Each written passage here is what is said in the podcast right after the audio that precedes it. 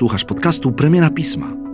Co miesiąc zapraszamy naszych autorów, czytelników i ekspertów z różnych dziedzin do dyskusji o kluczowych problemach współczesnego człowieka. Rozmawiamy o tym, co nas porusza, stawiamy trudne pytania i razem szukamy odpowiedzi. Partnerem wydarzenia jest kancelaria CMS. Podcast został nagrany w przestrzeni From Facebook.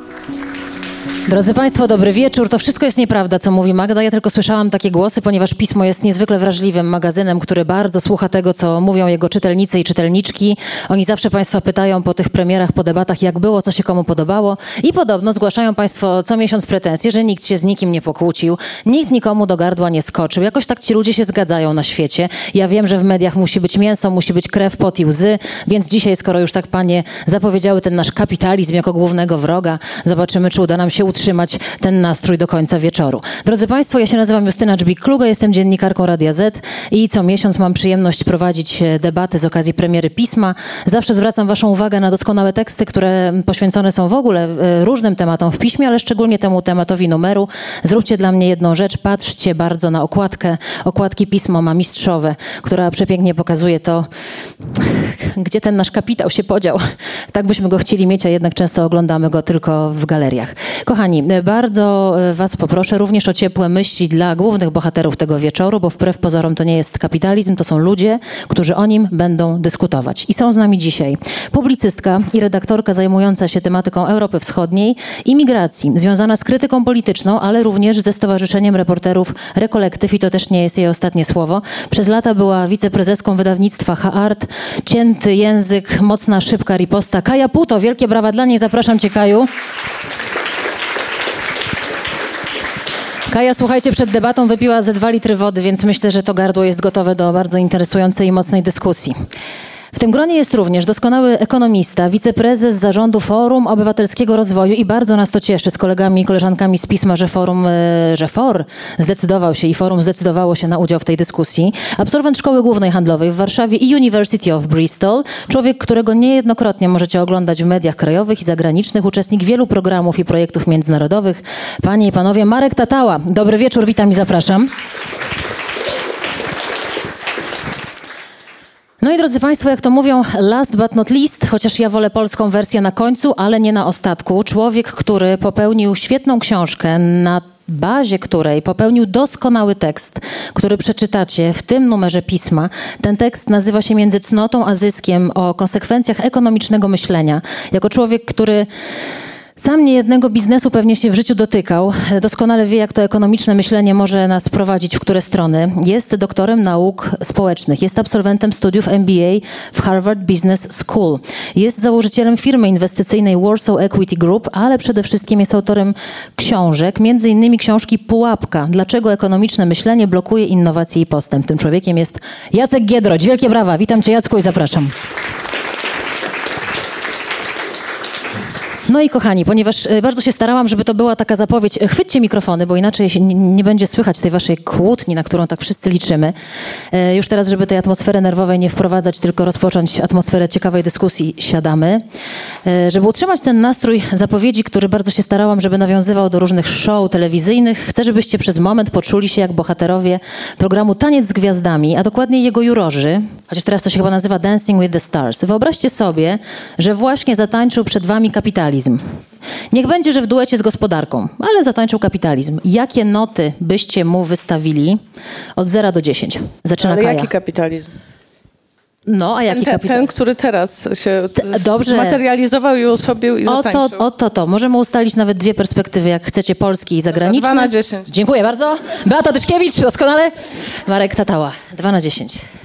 E, ja jestem z tanecznej rodziny, więc jakby e, dużo oglądałem tańca z gwiazdami. Moi rodzice są mistrzami Polski seniorów w tańcach towarzyskich. wielkie brawa za to, więc, naprawdę. To jest więc dużo tańczą. Mają profil na Facebooku, można ich obserwować. E, jeśli chodzi o ocenę, to nic na świecie nie jest doskonałe, więc 9, ale wszyscy inni tancerze, to znaczy wszystkie inne ustroje gospodarcze, wypadły zdecydowanie gorzej. Okej, okay, czyli 9 na 10. Dobrze, okej. Okay. Beata, nie komentuj na razie, poczekaj. Jacek Giedroyć. E, no więc ja tutaj wróciłbym do tego pytania, o, jaki, o jakim kapitalizmie rozmawiamy i jeżeli mówimy o kapitalizmie, i to niezależnie od tego, czy on jest, czy mówimy o tym tutaj w naszej części świata, czy mówimy o kapitalizmie gdziekolwiek, ale w ostatnich 40 latach, no to dałbym 3 na 10. Dobra, słuchajcie, to teraz, skoro mamy już ten początek za sobą, powiedz Kaja, dlaczego takie wysokie noty dla kapitalizmu? 2 na 10, zaszalałaś. I tutaj chciałabym wrócić do tego, że, że y, musimy rozróżnić, o jakim kapitalizmie mówimy, bo pa, patrząc historycznie, oczywiście kapitalizm był, y, był systemem w jakiś sposób innowacyjnym, który rozwalił dużo bardziej wstrętny system feudalny w Europie. Pewnie tutaj te noty, y, gdyby myśleć o tym bardzo ogólnie, byłyby wyższe. Natomiast y, tak jak mój przedmówca w skali powiedzmy ostatnich 40 lat, czyli w skali patrząc od powiedzmy kryzysu naftowego w Stanach Zjednoczonych, a potem pogłębionego przez kryzys 2008, obserwujemy jakiś absolutny rozpad marzenia, że kapitalizm doprowadzi nas do, do powszechnej szczęśliwości. Rozkład y, i kurczenie się klasy średniej i to, że koniec końców system ten jest dobry dla, dla najbogatszych, tak? I dla, dla największych korporacji, jak również dla największych ośrodków miejskich, patrząc, y, patrząc w skali globalnej. Natomiast nie tylko najbiedniejsi, y, nie tylko ci, o których tutaj mówiła jeszcze moja poprzednia przedmówczyni, ale, ale również nawet średniaki w krajach najbogatszych mają po prostu coraz gorzej. Jacku, twoje trzy jest jednak bliżej dwa niż bliżej dziewięć, więc poproszę ciebie o komentarz, dlaczego trzy na dziesięć? E, więc ja, ja sięgnę jeszcze głębiej w historię. E, dzisiaj apologeci kapitalizmu bardzo chętnie e, powołują się na Adama Smitha. W czasach Smitha e, kapitalizm to był zupełnie inny ustrój niż dzisiaj. To był głęboko etyczny system, który miał na celu w gruncie rzeczy rozwalenie archaicznych struktur społeczeństwa stanowego, społeczeństwa arystokratycznego.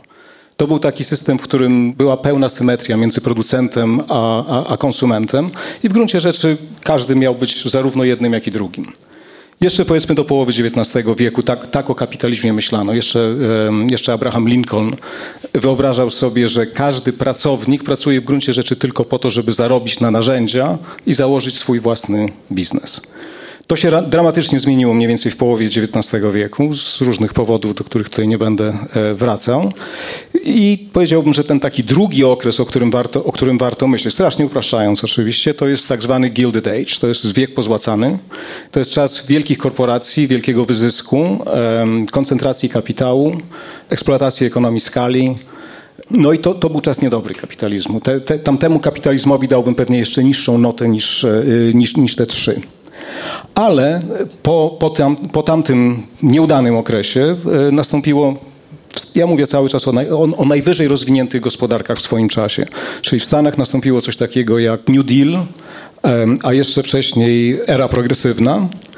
I kapitaliści się opamiętali, czyli mając wybór między, między rewolucją prawdziwą a rewolucją fiskalną, wybrali tą rewolucję fiskalną. Kapitalizm się ucywilizował i mniej więcej przez jakieś kilka dziesięcioleci, powiedzmy do, do lat 70., czyli można mówić właściwie o, o siedmiu dziesięcioleciach, kapitalizm był stosunkowo fajnym systemem.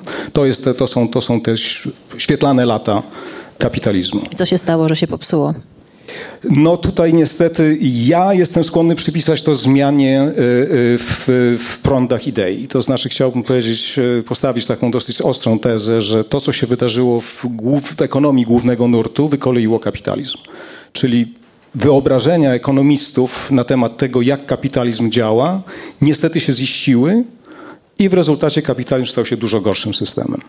A te wyobrażenia polegają z grubsza na tym, że y, kapitalizm to jest taki system, który powoduje optymalną alokację zasobów, czyli powoduje unikanie marnotrawstwa. Y, temu, jest przypisywana, y, przypis, temu są przypisywane sukcesy kapitalizmu w, w klasycznej czy neoklasycznej ekonomii. W rzeczywistości o wiele ważniejszy jest ten, aspekt, jest ten aspekt innowacyjności, odkrywania nowych sposobów życia, nowych potrzeb czyli nie realizacja potrzeb zastanych, preferencji zastanych, tylko odkrywanie nowych. No ale do tego oczywiście optymalizacja się nie nadaje. Marku, twoje 9 na 10. Mocny, a pewnie jeszcze byłoby i 10 na 10, gdybyśmy się tutaj roztańczyli na tym parkiecie bardziej. Dlaczego tak optymistycznie? Myślę, że 10 na 10 nigdy by nie było, bo tak jak powiedziałem, e, nie ma na świecie rzeczy doskonałych, bo świat jest złożony z niedoskonałych ludzi. I moim zdaniem często wiele ataków na kapitalizm wynika z takiej wiary właśnie w świat doskonały, którego kapitalizm nigdy nie stworzy. E, jeśli chodzi o, o ten e, o kapitalizm, ja też zgadzam się tutaj z pytaniem e, przedmówczyni, jaki kapitalizm, bo tych kapitalizmów też jest kilka, kilka typów i oczywiście ten kapitalizm zmieniał się też w historii, ale spójrzmy na świat dzisiejszy i takie zdjęcia różnych ustrojów gospodarczych, bo tak jak powiedziałem, na tym parkiecie jest dużo więcej par. To nie jest tylko kapitalizm, są także inne ustroje gospodarcze. Mamy wciąż na świecie kilka krajów socjalistycznych, no taki realny socjalizm, gdzie jest dominacja własności państwowej, to jest wciąż Korea Północna, e, Kuba, pewnie jeszcze jakieś kraje e, afrykańskie by się znalazły. Mamy kraje quasi-socjalistyczne. No tutaj największym przykładem jest Wenezuela, kiedyś jeden z najbogatszych krajów Ameryki Łacińskiej. Po latach rządów Chaveza, później katastrofie gospodarczej, do której dopuścił Maduro i rządząca tam partia socjalistyczna, ruina gospodarcza, jeden z biedniejszych krajów świata. Mamy w końcu kilka typów kapitalizmu, e, w tym kapitalizm, którego też byśmy nie chcieli. Coś, co nazywa się crony kapitalizm po angielsku, kapitalizm kolesi. E, tutaj dobre przykłady to Rosja, niektóre inne były republiki radzieckie, e, gdzie jakby klan rządzący zarządza jednocześnie gospodarką, gdzie jest ogromna oligarchizacja gospodarki, której na przykład dzięki naszej transformacji gospodarczej nie doszło e, w Polsce, a wydarzyła się na przykład na Ukrainie. Mamy w końcu kapitalizm wolnorynkowy i tu jest bardzo wiele przykładów i tu jest też bardzo duże zróżnicowanie o natężenie tego wolnego rynku w ustroju kapitalizmu kapitalistycznym. E, otóż e, Polska jeśli chodzi o to natężenie wolnego rynku, to nie jest wcale jakaś czołówka. My znajdujemy się w rankingach wolności gospodarczej na około 40-50 miejscu w zależności na który ranking spojrzymy. E, w czołówce jest wiele krajów, które nie kojarzą się z e, wolnorynkową gospodarką. E, bardzo wysoko jest Dania, często dużo wyżej niż Polska. Jest Szwecja, Holandia, wiele gospodarek oczywiście Europy Zachodniej. Ten, myślę, że kiedy myślimy Szwecja, to nie mamy skojarzeń z jakimś drapieżnym e, modelem gospodarczym, a tam poziom wolności gospodarczej jest w wielu aspektach dużo wyższy e, niż w Polsce. Więc e, kiedy ja oceniałem kapitalizm na 9 na 10, to patrzyłem na innych tancerzy z tej perspektywy porównawczej. I z tej perspektywy jest to zdecydowanie najlepszy tancerz, jaki istnieje. Co więcej, Najbardziej wolnorynkowe kapitalizmy to są też kraje z najwyższym poziomem e, dochodu, e, z wysoką średnią długością życia, z wysokimi wskaźnikami takimi jakości życia e, i to są kraje, które są właśnie w czołówce tych indeksów wolności gospodarczej. I właśnie warto podkreślać tą niedoskonałość i ją zaakceptować, że po prostu nie ma niczego lepszego. I zakończę cytatem, który pewnie jest Państwu znany. Ja zacytuję w całości, a nie tylko jedno zdanie, bo ten kontekst jest istotny. Jest to cytat z Winstona Churchilla, rok 47. Wiele systemów rządów zostało wypróbowanych i wiele będzie wypróbowanych w tym świecie grzechu i niedoli. Nikt nie udaje, że demokracja jest idealna i wszechwiedząca. W rzeczy samej mówi się, że demokracja jest najgorszą formą rządu, jeśli nie liczyć wszystkich innych form, które próbowano od czasu do czasu. Wszystkie inne formy gospodarowania, które próbowaliśmy do tej pory na Ziemi, były gorsze i na razie nikt nie wymyślił lepsze. Jeżeli się pojawi lepszy tancerz, to chętnie nawet zmienię skalę i jakby dam mu 20, 19 e, na 20, e, a ten kapitalizm e, odejdzie w tył, ale na razie nic lepszego nie wymyśliliśmy, więc i, i nic lepszego w historii nie widzieliśmy. Cytatem na cytat odpowiem. E, zaczerpnięty jest to cytat z tekstu Jacka Giedroycia, a powiedział to niejaki Theodor Roosevelt, już skądinąd znany człowiek. E, nikomu nie mamy za złe prywatnej fortuny, jeśli została godziwie uzyskana i jest dobrze użyta. Nie wystarczy, żeby była zgromadzona bez szkody dla wspólnoty. Mm, pozwalamy na takie gromadzenie pod warunkiem, że odbywa się ono z korzyścią dla wspólnoty. To tak tylko y, wiem, że Jacek widzę, że chce się odnieść, ale to za sekundę, bo najpierw mam prośbę do Państwa, którzy się postawili w tej opozycji 2 na 10, 9 na 10, żebyście wyszli trochę ze swojej, jak to się ładnie mówi, strefy komfortu. Ciebie, Kaja, chciałam zapytać, co kapitalizm dobrego nam dał? I odpowiadając na Wasze doprecyzowanie, o jaki kapitalizm pytamy, myślę, że fajnie, gdybyśmy pogadali w kontekście polskim, choć oczywiście tych kapitalizmów jest dużo i jeśli Wasze refleksje będą szły w stronę innych innych kapitalizmów innych krajów, nie ma problemu. Co twoim zdaniem kapitalizm, przyjmując tezę Marka, że no lepszego nie wymyślono systemu, na razie jeszcze nie odpowiadamy, jeśli nie kapitalizm, to co? Tylko szukamy jasnych stron. Znajdziesz jakieś? No na pewno spełnienie marzeń i aspiracji bardzo wielu Polaków, którzy przez cały okres PRL-u ciążyli w stronę y, Zachodu, wyobrażali go sobie czasem w dosyć nie nierelewantny y, sposób. To bym chyba powiedziała, że, że ta, to marzenie po prostu zostało kolorowej Polsce zostało jakoś spełnione i, i to wciąż jakby też analizując y, życie polityczne czy życie intelektualne wokół polityki, szczególnie tego starszego pokolenia, spełnienie tego marzenia ciągle jest taką dla, dla tych ludzi ważną częścią biografii i, i czasem bardzo kiepsko reagują, jak się to skrytykuje. Słuchaj, ale takie mam Ale to wrażenie, jest że... piękne, nie? Jakby spełnienie marzenia. Znaczy to jest, ja to jestem człowiek konkret, wiecie, marzenia są fajne i trzeba je mieć i tutaj spełniamy marzenia, ale coś bym tak No poprosiła. czasy w Egipcie, wielka plazma w domu, domek No. jednorodzinny z czerwonym dachem, no takie tam, wiesz, dziecko w prywatnej szkole No, no, za no. granicą, Czyli- no takie rzeczy. Czyli sporo, Tak, e, ale dotyczy to pewnego procentu. lecz y, jest to... Ale jest to faktycznie spełnienie marzeń tego procentu. Być może jest to taki procent, który po prostu potrafił wykorzystać e, wolny rynek i umiejętność odnalezienia się w tych czasach. Czy to jest e, wada? Być może. Czy to jest wada? E, W jakim sensie? Czy to jest wada, że e, korzystają, zaraz będziemy gadać o tym, kto właśnie korzysta na tym systemie, a kto nie.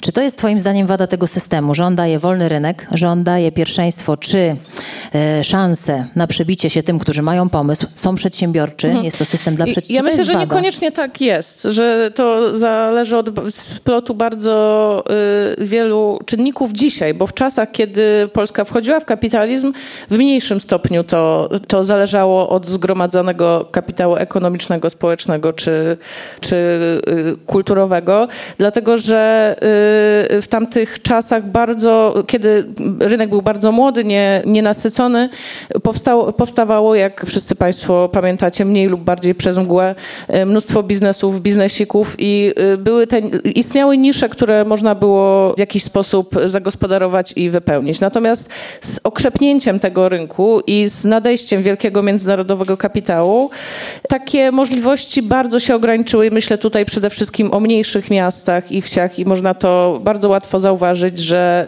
y, że lokalne sklepiki, biznesiki i tak dalej po prostu się zwijają, bo zastępują je Kauflandy, y, Biedronki i, y, i tak dalej.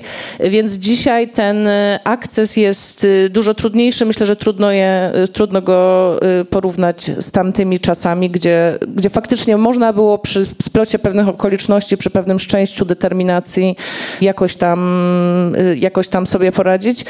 Chociaż oczywiście wciąż taki, taki punkt widzenia zupełnie, y, zupełnie wyklucza ludzi, którzy po prostu tej, y, tego, tej determinacji nie mieli, którzy byli w, zatrudnieni w, przez całe życie w zakładach pracy, w, w jednym zakładzie pracy, byli do tego przyzwyczajeni i ja nie widzę żadnego powodu, żeby w ogóle zastanawiać się nad tym, czy, czy ci ludzie są mniej czy bardziej zaradni. Ja bardziej zadaję sobie pytanie, czy chcemy żyć, mamy społeczeństwo, jakie mamy i czy chcemy żyć y, w kraju, w którym y, połowa y, gdzieś tam, nie wiem, leży sobie w rynsztoku i ginie z głodu, dlatego że jest niezaradna. No chyba, chyba nie chcemy, więc chociażby z tego punktu widzenia takie, takie stawianie tego problemu nie jest dla mnie nieakceptowalne. Okej. Marku, zanim się odniesiesz do tego, co powiedziała Kaja, to najpierw twoja strefa komfortu. Powiedz, co w kapitalizmie jest słabe? Co nam zabrał? To jest bardzo trudne pytanie, tak samo jak... e, Zależy dla kogo, jak znaczy jak, jak znalezienie, jak odpowiedź na pytanie właśnie, kto zyskał, a kto stracił w kapitalizmie, bo tak naprawdę to pytanie można zadać prawie do każdej rzeczy. Możemy zapytać, kto zyskał, a stracił na dzisiejszym deszczu. Są rolnicy, którzy mają jakieś Dobre plony... podejście, próba, którzy- to jest ten argument ad absurdum. Nie, którzy, nie, nie, którzy wracamy mają do jakieś pytania. plony i potrzebują jakby wody do ich wzrostu, a jeżeli ten deszcz pada podczas żniw, to ten sam i to inny rolnik może mieć problem z tego powodu. Kto Ale poczekaj, zyskał... powiedziałeś o niedoskonałościach. Kto- Nie, powiedziałeś o niedosko... Jakie są niedoskonałości kapitalizmu? Powiedziałeś 9 na 10. Gdzie jest to jeden? Nic nie jest idealne, super. Mhm. Co jest nieidealne w kapitalizmie? Słuchajcie, 30 sekund na odpowiedź Bo- dla eksperta. Jeśli bo- ten czas minie, idziemy do następnej Bo, rundy. bo jest to bardzo trudne pytanie. Powiem tylko, bo to nie jest argument e, ad absurdum z tym deszczem, bo mogą Państwo zrobić tutaj za miesiąc debatę, kto zyskał, a kto stracił na demokracji. I to nie jest absurdalne pytanie, bo na tym to są prace naukowe, które są prowadzone na tym, że nie każdy skorzystał na demokracji, tak? Więc demokracja, którą tak wszyscy tutaj pewnie jesteśmy jej zwolennikami, myślę, na tej sali, e, a No, przynajmniej duża, duża większość, e, tak? Zakładam, że nie ma tu jakichś radykalnych No, fani monarchistów, monarchii, ale ale są ludzie, którzy uważają, że na demokracji też tracą, tak? Marku, błagam, Więc- niech pan tak nie ucieka jakby od odpowiedzi. Ja pana proszę, naprawdę. Ale ja nie uciekam od Niedoskonałości odpowiedzi. kapitalizmu. Jest wiele rzeczy, które nam się nie podoba i dzieją się w kapitalizmie, tak? nie każdy jest zdrowy, nie każdy jest zamożny, nie każdy jest średnio zamożny.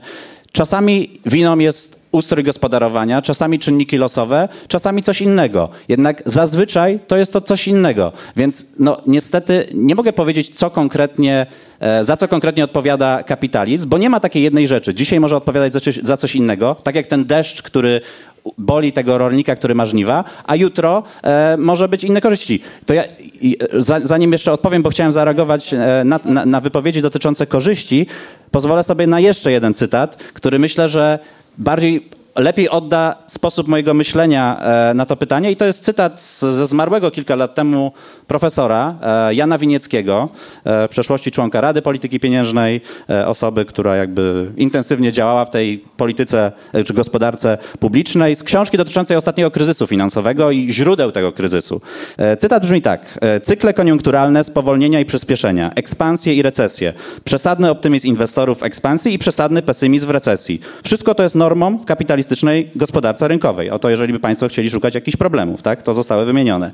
Ale jeśli mamy do czynienia z aberracją, to rada autora jest nas, następująca. Cherchez l'état, Czyli szukajcie państwa, ponieważ w dziewięciu przypadkach na dziesięć, jeśli gospodarka zachowuje się aberracyjnie, u źródeł tej aberracji tkwi taka czy inna polityka interwencji, a nie niedoskonałość rynku. No więc w dziewięciu na dziesięciu przypadkach szersze letat, szukajmy, szukajmy państwa, bo to tam jest źródło tego problemu, tego ubóstwa, tego niedostatku, e, tych problemów związanych z monopolizacją ekonomii, e, gospodarki, czy wszystkich innych rzeczy, które możemy sobie wyobrazić, łącznie z ostatnim kryzysem finansowym, który też nie wywołał go rynki, on się wywołał w rynku, ale to jest tak jak mówić, że Katar pochodzi z nosa, tak? Katar się dzieje w nosie, on się powstał w gospodarce wolnorynkowej, ale źródłem było wiele działań państwa, łącznie z polityką e, amerykańskiego Banku Centralnego, który nie jest przecież e, instytucją prywatną, tylko jest instytucją publiczną, czy z polityką pod hasłem mieszkania dla wszystkich prowadzoną w Stanach Zjednoczonych, która doprowadziła do tej bańki e, na rynku e, kredytowym. I jeszcze odpowiadając tylko Słowo na te Kai. korzyści, korzyści, bo, bo to pytanie oczywiście byłoby dla mnie prostsze. Absolutnie, ale kto to nie o to na chodzi. Kto powiedział, Ja że będzie tylko- w życiu łatwo? Ja tylko W chciałem życiu, powiedzieć o, jednej, o. jed, o jednym przedmiocie, kończąc i oddając tutaj głos e, panelistom, e, e, pozostałym panelistom, o jednym przedmiocie, a mianowicie o kiju hokejowym. Pewnie większość z Państwa wie, jak wygląda kij hokejowy i tutaj mieliśmy taki przegląd różnych kapitalizmów i różnych typów kapitalizmu z tej perspektywy historycznej. Otóż nasz, nasza, nasze życie gospodarcze wygląda trochę jak ten kij, hokejowy. Tutaj mają Państwo ten drążek, za który się trzyma i na końcu jest ten czubek, którym uderza się krążek hokejowy. Otóż przez większość historii ludzkości wszyscy ludzie, poza wybrańcami, królami, małą cząstką szlachty rządzących, żyli w skrajnej biedzie. Ludzie byli bardzo, bardzo, bardzo biedni. Dopiero koło roku 1800 coś zaczęło się zmieniać. I to coś to właśnie powstawanie różnych modeli gospodarki kapitalistycznej na świecie. I wtedy mamy ten kij hokejowy, to znaczy eksplozję gigantyczną bogactwa na świecie. Tego, że w końcu ci zwykli ludzie, ta większość mogła się zacząć bogacić. To od tego okresu zaczął się gigantyczny spadek ubóstwa na świecie. To od tego okresu zaczął się wzrost średniej długości życia. To od tego okresu żyjemy w bezpieczniejszym świecie, bo ludzie przestali e, się zabijać, w sensie, że spadła liczba e, na przykład morderstw, czy generalnie ofiar różnego rodzaju konfliktów, nawet jeżeli wliczymy to e, dwie dramatyczne wojny, które mieliśmy w XX wieku. Więc jakby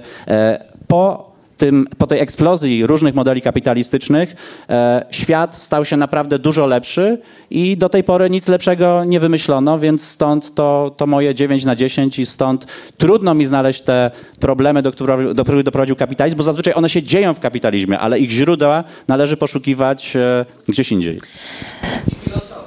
Czynniki losowe. Poczekajcie Państwo, złapmy tę myśl, pchajmy ten krążek hokejowy dalej troszkę, bo myśmy z redakcją pisma przewidzieli taki przebieg tej debaty. My wiedzieliśmy, że ja wiedziałem, że tak będzie, cytując klasyka. To znaczy tak, jeśli chodzi o dyskusję o kapitalizmie, słóweczko ode mnie, bardzo łatwo jest wskazać klasy wykluczone i klasy, które zyskały. Kamil Fejfer w bardzo dobrym tekście w piśmie pisze o superbogaczach, ale będziemy chcieli porozmawiać o nas w środku. O nas w środku z kolei Jacek Giedroć bardzo fajnie pisze w swoim artykule, za chwilę do tego cytatu zajrzę, ale najpierw chciałam prosić Ciebie, Jacku, odniesienie się, bo widziałam, że tam długopis po prostu się do czerwoności rozgrzał, kiedy słuchałeś e, przedmówców. Powiedz, co chciałbyś dodać, e, skomentować? Długopis pisze na niebiesko, także spokojnie. No to ja tu mam kilka rzeczy. Rozumiem, że mogę się odnieść do tego, co Marek powiedział wcześniej i ewentualnie tej zarysowaliśmy podział kom- 2 na 10, 9 na 10 i Dobra. rozjemca 3 na 10. Myślałam, na- że 5 dasz na 10, Dobrze, miała więc- środkowy głos, no ale trudno. Chciałbym się odnieść do, do, do, do takiego łagodnego nadużycia, którego się dopuściłeś. Mianowicie zrównałeś miejsce w rankingu rankingu wolności gospodarowania z maksymalnie wolnym rynkiem, z maksymalnym zakresem wolnego rynku. To są dwie zupełnie różne rzeczy. E, tym bardziej, że posłużyłeś się, jak e, mówiłeś o Danii i o Szwecji, prawda? Czyli wspomniałeś kraje, które w klasyfikacjach kapitalizmu byłyby nazwane tak zwanymi coordinated e, market economies, czyli, czyli gospodarkami koordynowanego rynku ich, ta, ta, druga, druga duża grupa to są tak zwane liberal market economies, czyli, czyli e, liberalne gospodarki rynkowe. No i tych, tych, żadnej z tych nie wymieniłeś, a to one właśnie się szczycą tym, że zostawiają najwięcej rynkowi. Największą, że tak powiem, część koordynowania działań ludzi zostawiają rynkowi. Więc to jest pierwsza uwaga. Y, druga uwaga jest taka, że rzeczywiście w ekonomicznym myśleniu, czyli w tej takiej trywialnej wersji neoklasycznej ekonomii, w, mm, w społeczeństwie istnieją tylko dwie instytucje, mianowicie rynek i państwo. A tak naprawdę to państwo jest obarczane odpowiedzialnością za to, żeby rynek dobrze działał. Czyli jeżeli cokolwiek nie działa, no to oczywiście winne jest państwo. Dlaczego? Dlatego, że rynek działa dobrze. A dlaczego rynek działa dobrze? Bo to wiemy a priori. To zostało udowodnione w oparciu o matematyczne modele. Rynek w neoklasycznej ekonomii jest poza krytyką, dlatego że on już na poziomie aksjomatu jest traktowany jako coś, co działa doskonale. I może jeszcze jedno, jeszcze jedno odniesienie do tego cytatu y, drugiego, mianowicie do tego, że 9 przypadłości na 10 jest zawinione przez państwo. No mamy na nieszczęście takie miejsca, gdzie państwa nie ma. No, przychodzi do, do, głowy Somalia jakiś czas temu, prawda, południowy Sudan. No to nie są miejsca, to tam, tam na pewno państwa nie można obarczać za... No na przykład tak, czyli miejsca, gdzie państwo niedawno upadło, tak? Tam, tam na pewno państwa nie można obarczać za te niedostatki, które, które tam funkcjonują, więc e, pewnie, pewnie nie tylko państwo. I teraz tak, i, i, w końcu, jeżeli chodzi, jeżeli chodzi o ten kij hokejowy, to powiedziałbym tak, że akurat tak się składa, że w ostatnich 40 latach wzrost e, tempa produktywności pracy dramatycznie spadł, prawda? Mniej więcej o prawie o połowę w stosunku do poprzednich kilkudziesięciu lat. Czyli to nie jest tak, że, my, że, że nam się ten kapitalizm nie podoba tylko z powodów estetycznych, czy tylko dlatego, że on generuje nierówności, choć to są oczywiście bardzo nieładne rzeczy. On się nam nie podoba, dlatego że on spowodował przyhamowanie innowacji, on spowodował spowolnienie postępu. Y, I to jest bardzo widoczne w danych empirycznych, y, które, gdyby ktoś z Państwa był zainteresowany, to jest taka obszerna książka Roberta Gordona, ekonomisty, e, ekonometryka amerykańskiego, który to no, bardzo drobiazgowo e, udokumentował. No dobra, to, to, to no tyle. Dobra. Ja mam jeszcze pytanie. Czy myślisz, że y, internet by powstał, gdyby nie interwencja państwa, wolny rynek? Znam te argumenty, to premier Morawiecki szczególnie uwielbia panią Matsukato i, i tego typu jest... teorie, że jakby wszystkie innowacje... Myślę, to jest argument. Jest w jednej kawiarni z premierem Morawieckim, regularnie tego, piją kawę. I, a, a, do tego jeszcze, nie, czekam na odpowiedź. A do tego jeszcze Mark Zuckerberg chodził po państwowym chodniku na uczelni, jak wymyślał Odpowiedz, Facebooka. Proszę. E, więc e, nie, uważam, że bez rynku, e, znaczy nie, jakby, czy, pań, bez czy, państwa. Bez państwa. Czy powstałby internet bez ingerencji państwa, tak? Czy udziału państwa? Tak, myślę, żeby powstał. E, myślę, żeby powstał. No, to jest już taki eksperymenty myślowe, tak? Ale wiele z tych rzeczy, w których są elementy teraz wykorzystywane, stworzone przez, przez państwa, tak? Czyli na przykład elementy, Czy które człowiek wynikają... poleciałby na księżyc? Dobra, to znaczy tak. Nie, nie, nie. Na szczęście ja tu pytam e... i mam tutaj dla ciebie, Kaja, taką trudną sytuację, ponieważ skoro idziemy w stronę rzucania mięsem, zacznijmy tę debatę. E, wpisałam sobie w Google e, nazwisko Marek Tatała plus kapitalizm. Wpisałam również w Google Kaja Puto plus kapitalizm. Natomiast skupmy się na Marku Tatale. Kiedy wpiszecie w Google Marek Tatała plus kapitalizm, pojawi wam się tweet z roku 2018 i ten tweet Marka Tatały brzmi tak. Dobrze, że istnieje kapitalizm, w którym na portalu prywatnego przedsiębiorcy kapitalisty antykapitaliści mogą płacić za reklamę swoich wydarzeń. I jest to wklejona reklama weekendu antykapitalistycznego organizowanego przez pracowniczą demokrację. Kaju, co ty na to? Y, jak to jest z krytykami kapitalizmu, którzy jednak pięknie korzystają z jego zdobyczy? Nie wiem, czy oni korzystają, chyba są do tego zmuszeni, ponieważ media społecznościowe y, zmonopolizowały naszą uwagę poprzez zarządzanie naszymi negatywnymi emocjami, więc w obecnej... Są do tego zmuszeni. Do... Myślę, że Facebook nikogo, pozdrawiamy Facebook, naszego gospodarza, nikogo nie przymusza do płacenia mu za reklamowanie się. To jest genialne, to no jest bardzo ciekawe. Antykapitalistyczna impreza reklamuje się na kapitalistycznym portalu. Płacimy danymi osobowymi, więc to nie jest tak... tak No ale jakbyśmy w drukarni ulotki wydrukowali, to też y, kapitalistę wspieramy. No, chyba nie dałoby się w tym systemie, y, jakby nie, nie dałoby się zachować czystości. Nie ma etyki w y, y, późnym kapitalizmie, jak to mówią.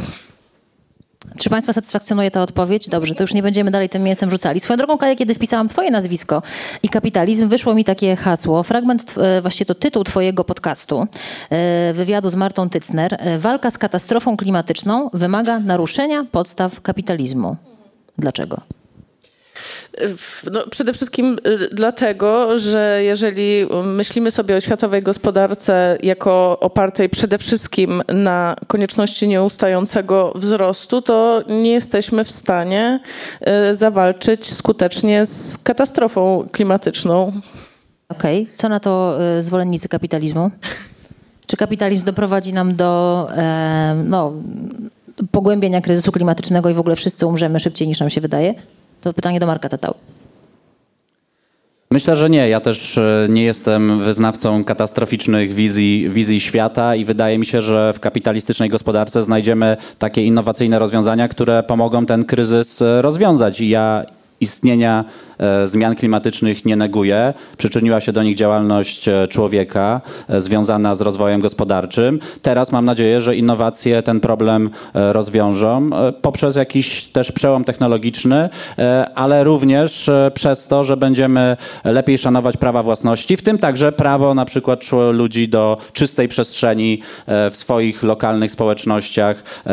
Można to także podnieść do, do, do poziomu, nie wiem, miast, czy, czy potem jeszcze szerszych społeczności. Więc tutaj jakby, to nie, to, to, to nie jest tak, że kapitalizm ma odpowiedź na wszystko, ale w kapitalizmie można też poszukiwać pewnego rodzaju narzędzi, na przykład takich jak prawo własności, które można wprowadzać do problemów e, środowiskowych. Ale chciałem się jeszcze odnieść do tweeta, bo tweet mnie bardzo... e, to był twój tweet, Tak, to był mój, to był mój tweet, Nie był to ale fake news po jakiś. prostu kiedy, kiedy wspomniałaś o tym, że szukałaś pod hasłem moje nazwisko plus kapitalizm, myślałem, że wyskoczą ci inne tweety, ponieważ ja bardzo regularnie na Twitterze tweetuję pod hashtagiem kapitalizm, historia sukcesu. Polecam wpisać hashtag. Masa tweetów pokazujących No tak te rzeczy, o których wpisałam, bo mówiłem. starałam się Ten kij hokejowy, wszelkie inne optymizm. wspaniałe rzeczy, e, dane, wykresy pokazujące co wspaniałego zdarzyło się od czasu, kiedy na świecie pojawiły się ustroje kapitalistyczne, e, więc można, można tam wiele, wiele, wiele, wiele treści e, znaleźć. I korzystając tylko, że jeszcze mam mikrofon i, i głos, jedna tylko uwaga. Chciałem Państwu też przeczytać top 10 krajów o najwyższym poziomie wolności gospodarczej, bo ja znam te, te podziały na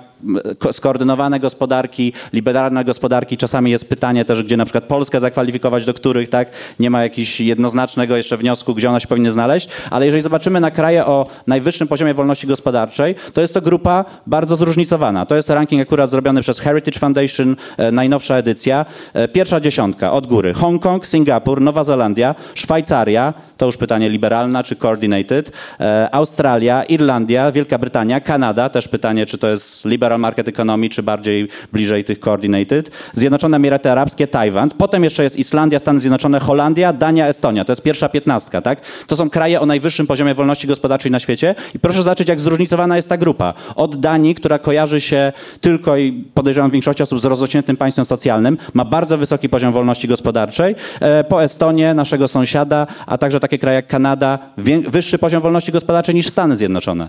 Podejrzewam, że wiele osób na sali nie jest tego świadoma. Czy, czy, czy Szwajcaria, tak? Też nie kojarzący się z jakimś e, wyzyskiem i drapieżnym kapitalizmem. Ja bardzo doceniam naszych dzisiejszych gości, którzy e, zachowują się jak e, bardzo szanujący się polityk, to znaczy odpowiedzą na pytanie, to już jest nieźle, ale również dodadzą coś od siebie, co niekoniecznie z tym pytaniem jest związane. Szanuję to naprawdę. Natomiast e, chciałam cię, Jacku, zapytać o ten wątek ekologiczny, czy myślenia o planecie, który podjęła w e, Kaja i który często jest chyba gdzieś tam podejmowany przez środowiska, nie powiem antykapitalistyczne, no, ale myślące o innym systemie, tak? Czy, czy ten kapitalizm nam wykończy tę planetę do końca, czy w, tak jak mówi Marek, w kapitalizmie można znaleźć jakieś rozwiązania, które właśnie odwrócą, zawrócą bieg rzeki.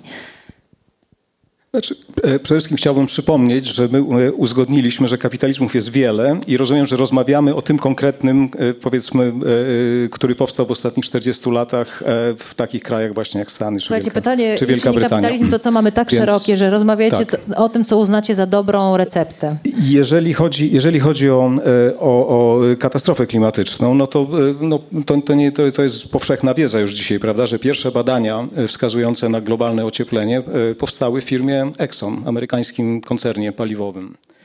E, I te badania oczywiście zostały schowane. One, one zostały nieujawnione, wręcz przeciwnie, zostały, zostały zlecone kolejne badania, które, czy, czy powiedzmy takie niby badania, które miały, które miały pokazać dokładnie przeciwne wnioski. E, więc tak, więc to, to, nie ma nic wspólnego z kapitalizmem oczywiście, bo to zależy o jakim kapitalizmie rozmawiamy. E, problem z tym współczesnym kapitalizmem jest taki, że dzisiaj utożsamiamy korporacje, czy, czy dobro korporacji z dobrem akcjonariuszy. Czyli korporacje istnieją po to, żeby akcjonariusze zarabiali pieniądze. I korporacje, w zasadzie najlepsze korporacje to są takie, które najszybciej, najbezpieczniej, najbardziej regularnie, y, y, z najmniejszym ryzykiem y, przekazują pieniądze akcjonariuszom. To się oczywiście absolutnie kłóci z innowacyjnością, dlatego że po to, żeby było innowacyjnie, to wprost przeciwnie. To trzeba inwestować w długoterminowe projekty, które są niepewne, które, których e, skutków przez następne 2-3 lata się nie da przewidzieć, które absorbują duże środki, które te środki wtedy są niedostępne do tego, żeby wypłacać dywidendy albo wykupywać akcje własne. Więc ten rodzaj kapitalizmu, on, on rzeczywiście, on, on, on, na pewno nie pomoże e, w, e, w zaradzeniu katastrofie klimatycznej. Natomiast czy są inne rodzaje kapitalizmu, które mogą pomóc? No naturalnie, tak, oczywiście. No, mówiłem, mówiłem o tym kapitalizmie z, e, sprzed 50 e, lat powiedzmy, no ale weźmy taką Danię, prawda, która jest właśnie taką koordynowaną e, gospodarką. Tam na poziomie, na poziomie całego kraju podjęto decyzję, że właściwie cały kraj skoncentruje się właśnie na proekologicznych e, e, działalnościach. I, to, i to, to zaskutkowało tym, że zarówno uczelnie, jak firmy, jak różne e, instytucje badawcze, fundusze publiczne wspierały tego rodzaju, tego rodzaju działania. No i rzeczywiście Dania jest dzisiaj liderem, w, przynajmniej w kilku technologiach ekologicznych. Znaczy można w ramach kapitalizmu, tylko nie tego kapitalizmu, który dzisiaj traktujemy jako, e, e, jako taki złoty wzorzec. I, ja jeszcze, jeszcze jedną rzecz tylko dodał, że Polska miała ten, powiedzmy, ten problem, że właściwie nasz kapitalizm zaczął się wtedy, kiedy, kiedy właśnie ten, ten niedobry kapitalizm święcił już triumfy. Czyli my właściwie nie potrafimy sobie innego kapitalizmu wyobrazić. Nam, nam się wydaje, że to wszystko dobre, co zostało, co, co zostało stworzone przez te, przez te różne kapitalizmy w, w długiej historii kapitalizmu, to jest produkt tego właśnie, tego epizodu niezbyt udanego e, w historii kapitalizmu. Świetnie napisałeś w swoim tekście. Końska dawka ekonomicznego myślenia dobrze nam zrobiła w czasach transformacji. Pomogła rozbić dysfunkcjonalne instytucje odziedziczone po PRL-u.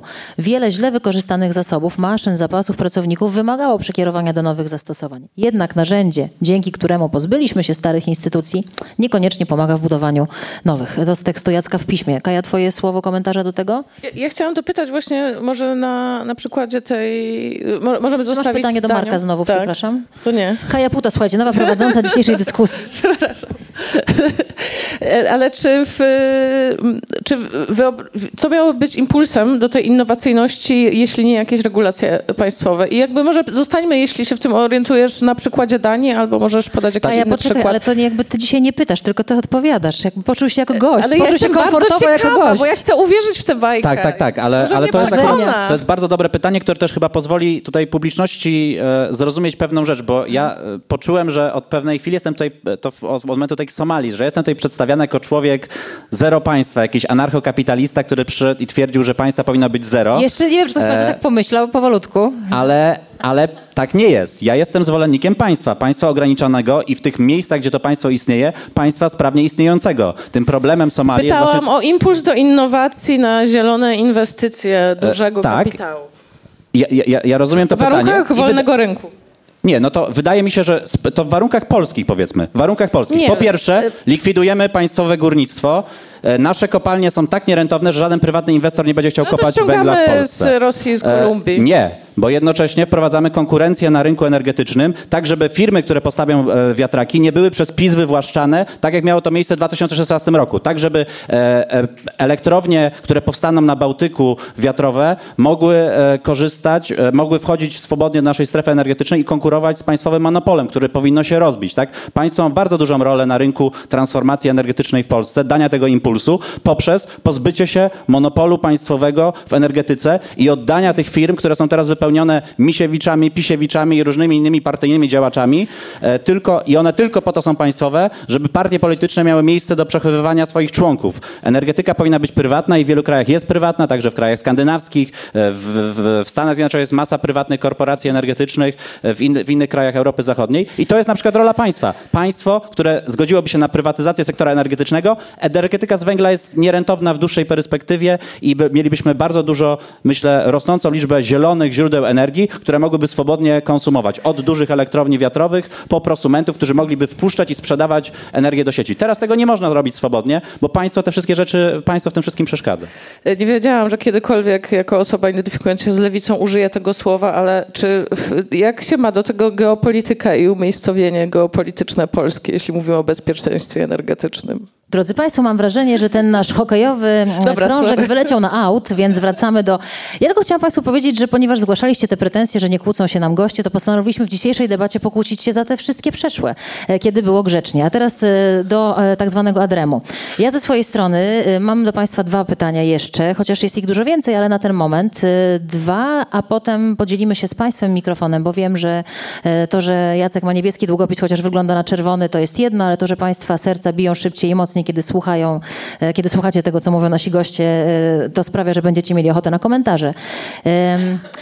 Wiedzieliśmy, że tak będzie, że będzie bardzo łatwo powiedzieć o kapitalizmie, że z jednej strony są super bogacze, a z drugiej strony są ci biedni wykluczeni, którzy leżą w rynsztoku i już nie mają nic e, do zaoferowania światu, a świat im.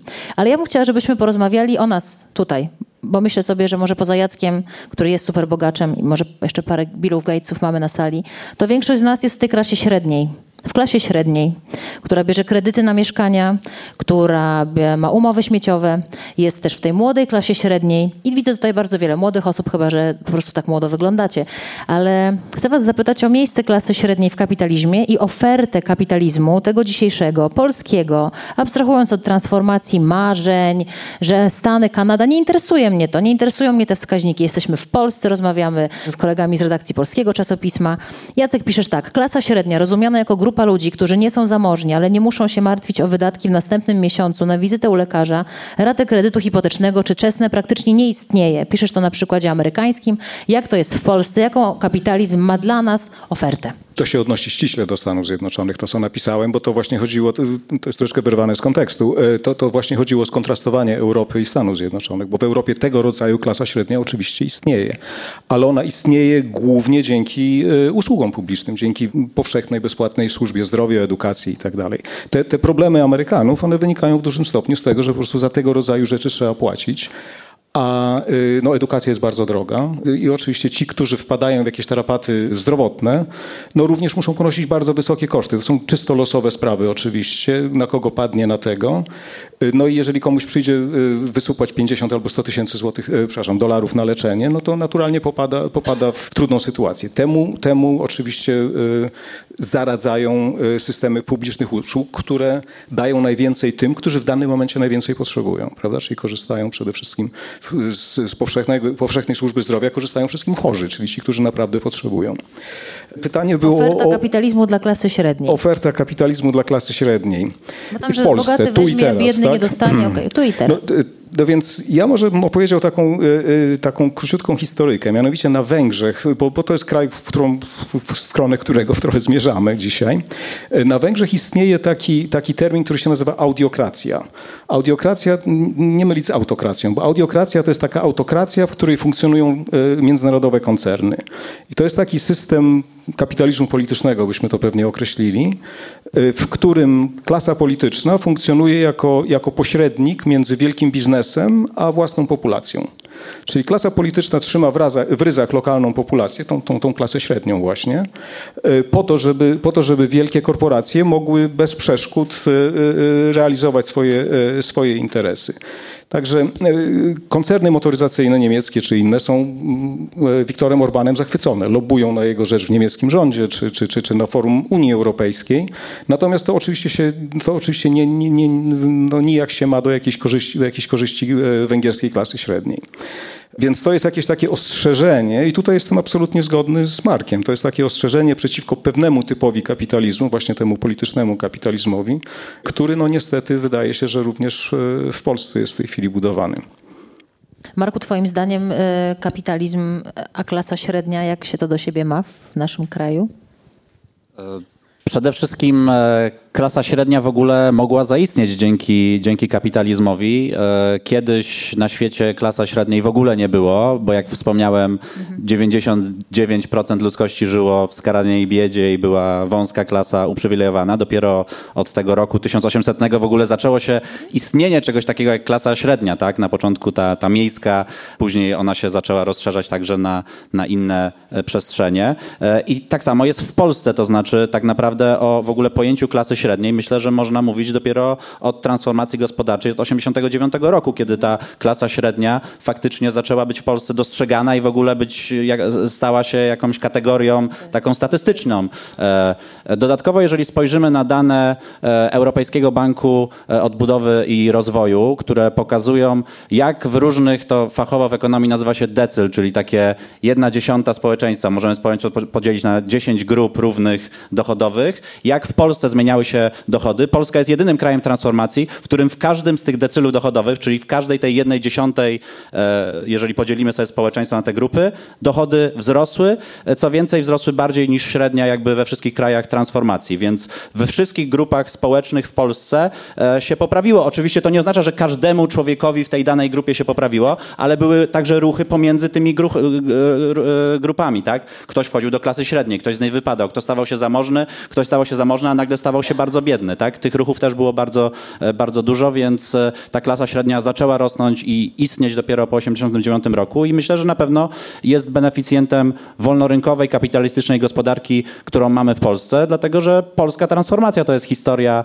również sukcesu, także z perspektywy porównawczej. No, nikt tak inny, no, nikt inny w regionie nie zrobił tak dobrze transformacji. No ale przychodzą do ciebie młodzi ludzie i mówią, hej, ja bym chciał mieć etat, ja nie chcę mieć tej umowy śmieciowej znowu, ja nie chcę mieć tego dzieło. Przychodzą, mówią, kurczę, jak ja mam sobie mieszkanie kupić, jak to trzeba 2200 na kredyt, a w sumie to 2300 to na wynajem, to już nie wiem, a skąd ja mam ten, nikt mi nie da kredytu, bo nie mamy etatu. Jako człowiek, który gdzieś tam myśli o tym kapitalizmie dobrze, to co byś takiemu dwudziestolatkowi powiedział? Myślę, że ich jest sporo. Ja mam 33 lata, więc też nie jestem daleko od tej, od tej grupy. No, I, też, i też, nie, nie to pokolenie. I, I też e, nie, nie jestem zadowolony z wielu rzeczy w otaczającej mnie rzeczywistości, e, ale jednocześnie wiem, że nie możemy i z dnia na dzień nie staniemy się jako Polska Szwecją, bo musimy odbudować coś, co było przez 40 plus lat w Polsce e, niszczone. Więc, no ale nie zwalajmy, ja, że ja wiem, komunizm, bo to jest taki ulubiony argument w ogóle. Ja wiem, że to wszystko ale, ale, ale, w tym ale, tego ale, nie, też nie... Marek, pytam cię po ludzku. Przychodzi do ciebie, do was do pracy, do forum, przychodzi dobra, młody człowiek, to... mówi, no jest taka sytuacja, no i ko Konkretnie, bo to każda rzecz ma jakby inną przyczynę. Tak zwane umowy śmieciowe, choć ja nie lubię posługiwać się tą mową nienawiści e, i tego typu sformułowaniem. Jezus Maria, ile my e, dzisiaj mamy e, tematów, umowy, to umowy, widzicie, umowy cywilnoprawne, wow. nazwijmy to tak, jak to, to się nazywa. Otóż winę za to, że one w ogóle istnieją, także w dużej mierze ponosi państwo, ponieważ mamy zbyt sztywny kodeks pracy, pisany w latach jeszcze PRL-u i dostosowany do gospodarki wielkich zakładów pracy, gdzie człowiek pracuje od jakby zakończenia systemu edukacji aż po emeryturę, więc on jest totalnie niedostosowany do dzisiejszej rzeczywistości. Jednocześnie mamy chory system podatkowo-składkowy, Ale który... ciągle mówisz to temu dwudziestolatkowi, tak? Mówisz, ja stary, nie mów do mnie umowa święciowa, hej, no bo to jest mowa nienawiści. Nie, mówię mu, że chciałbym, żeby państwo nie wypychało ciebie i wielu innych osób na umowy śmieciowe. Dlatego stwórzmy bardziej elastyczny kodeks pracy, skończmy z tym tak zwaną tą konkurencją pomiędzy różnymi typami umów i niech te wszystkie umowy, jeżeli chodzi o obciążenia składkowo-podatkowe, spotkają się w środku, tak? Gdzieś w środku, pomiędzy. To nie może być ani 40%, jak jest przy, nie, przy niektórych, ani 19%, jak jest przy, przy, niektórych, jeżeli popatrzymy na sumę składek i podatków płaconych. Starałam niech się spotkają się, ale nie sprowokuje, i, widzę i stwórzmy, stwórzmy elastyczny e, kodeks pracy z, z racjonalnym systemem podatkowo-składkowym, wtedy nie będzie jakby bodźców do tego, żeby tego typu e, umowy istniały, jak umowy e, cywilnoprawne dzisiaj i nie będzie tych wszystkich absurdów, bo nasz system podatkowo-składkowy jest postawiony na głowie, tak? To jest absurd, że w Polsce można było na przykład rowy kopać na umowę o dzieło, tak? A były takie przypadki rozpatrywane nawet przez, przez sądy administracyjne. Absurdem jest w ogóle, że sądy muszą się zajmować Dobra, takimi... to ja powiem tak, ten dwudziestolatek na pewno będzie przyszłym prezydentem i to jest taka mowa jak do przyszłego tutaj naprawiacza systemu. Dziękuję ci Marku. Kaju, do ciebie to pytanie, które przypomnę, klasa średnia w kapitalizmie na podsumowanie tej części. No właśnie na początku zapytałaś Błagam, nie pytaj o... o nic Marka, już proszę cię o to. nie będę. E, nie, to teraz e, jakby zapytałaś o, że to jest pytanie o nas, no to zaczęłam się zastanawiać, e, czy, czy ja w ogóle mogę się zaliczyć do tej klasy średniej. Tak, no i właściwie, mm, no to tak, przez trzy lata nie miałam, znaczy dobra, pomińmy to, być może Polska, oczywiście z perspektywy wolnego rynku, być może Polska jest po prostu krajem, który nie potrzebuje humanistów i tak dalej i wiem, co by Marek, jakby to Marek skomentował, ale w każdym razie podsumowując, przez trzy lata nie miałam ubezpieczenia y, zdrowotnego. Myślę, że nie miałabym emerytury. Nie mam szans na dostanie kredytu. Jeśli chciałabym sama wynajmować mieszkanie, to nie byłoby mnie na to stać.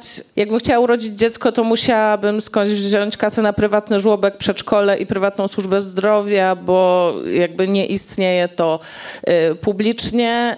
Mam przewlekłą chorobę, której nie da się leczyć właściwie publicznie i odbijam się i tak dalej, i tak dalej. Mogę to jakby wymieniać i pewnie mnóstwo z Państwa na sali doświadcza bardzo podobnych problemów. Mam prawie 30 lat i powoli zaczyna mnie to martwić i właściwie całe... Yy, I myślę, że ja mówię trochę w imieniu pokolenia, to znaczy, że to wszystko jest gdzieś pokłosie yy, między innymi tego wspaniałego, elastycznego yy, rynku pracy.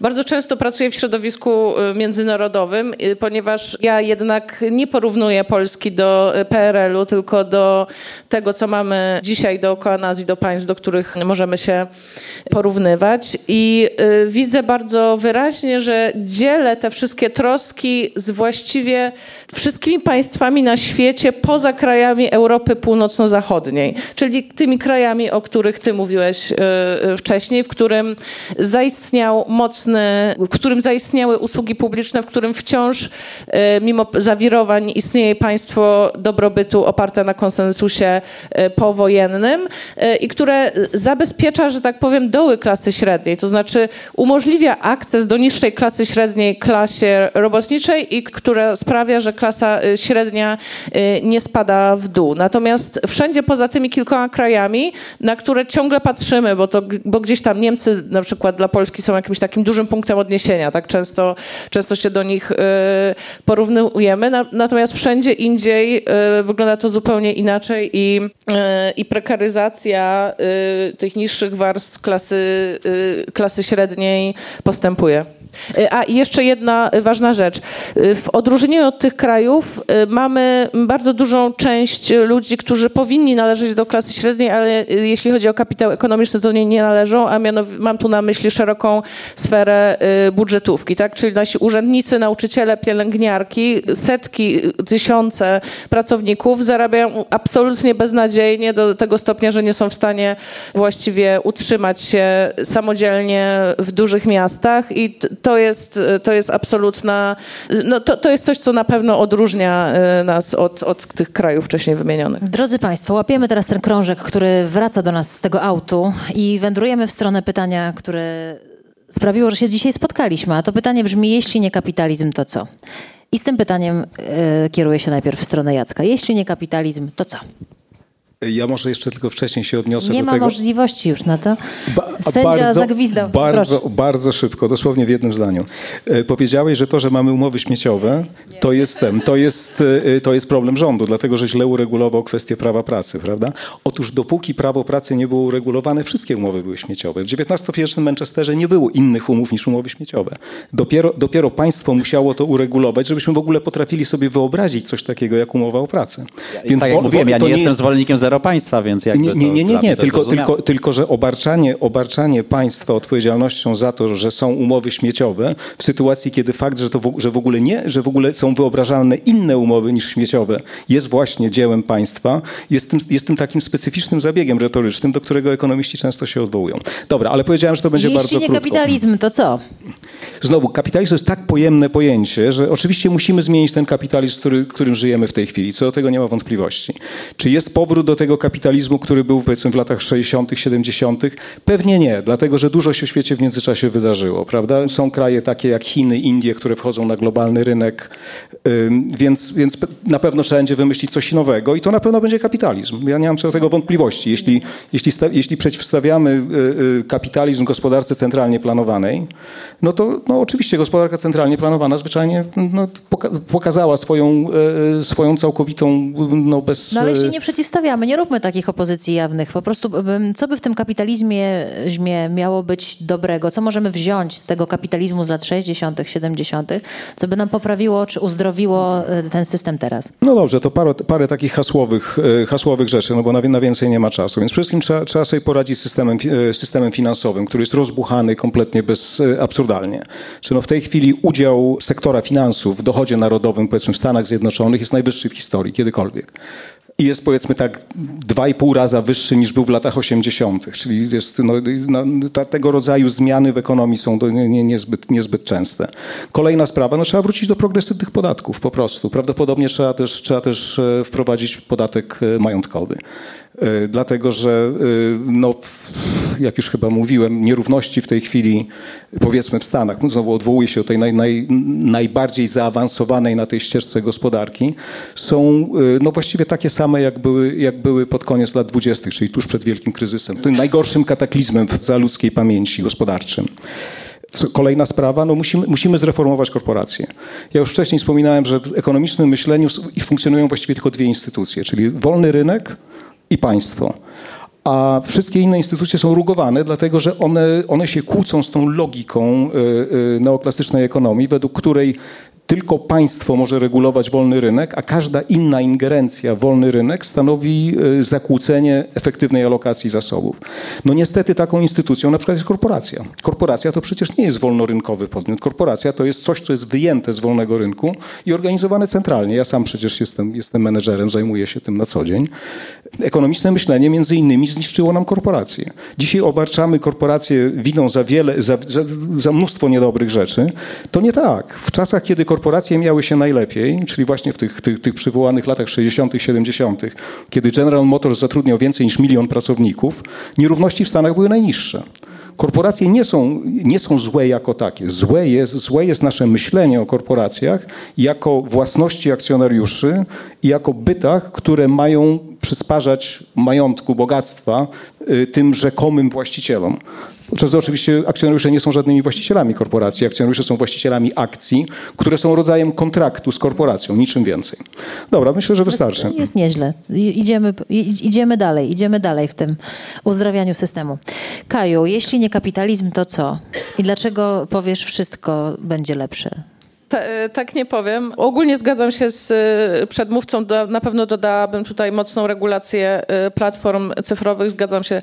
Podatek majątkowy, na pewno podatek klimatyczny, wzmocnienie lokalnych gospodarek, nowe formy związków zawodowych, spółdzielczość i więcej BAP. Co to są nowe formy związków zawodowych? To znaczy odpowiadające światu, w którym ludzie pracują w metaforycznym Uberze.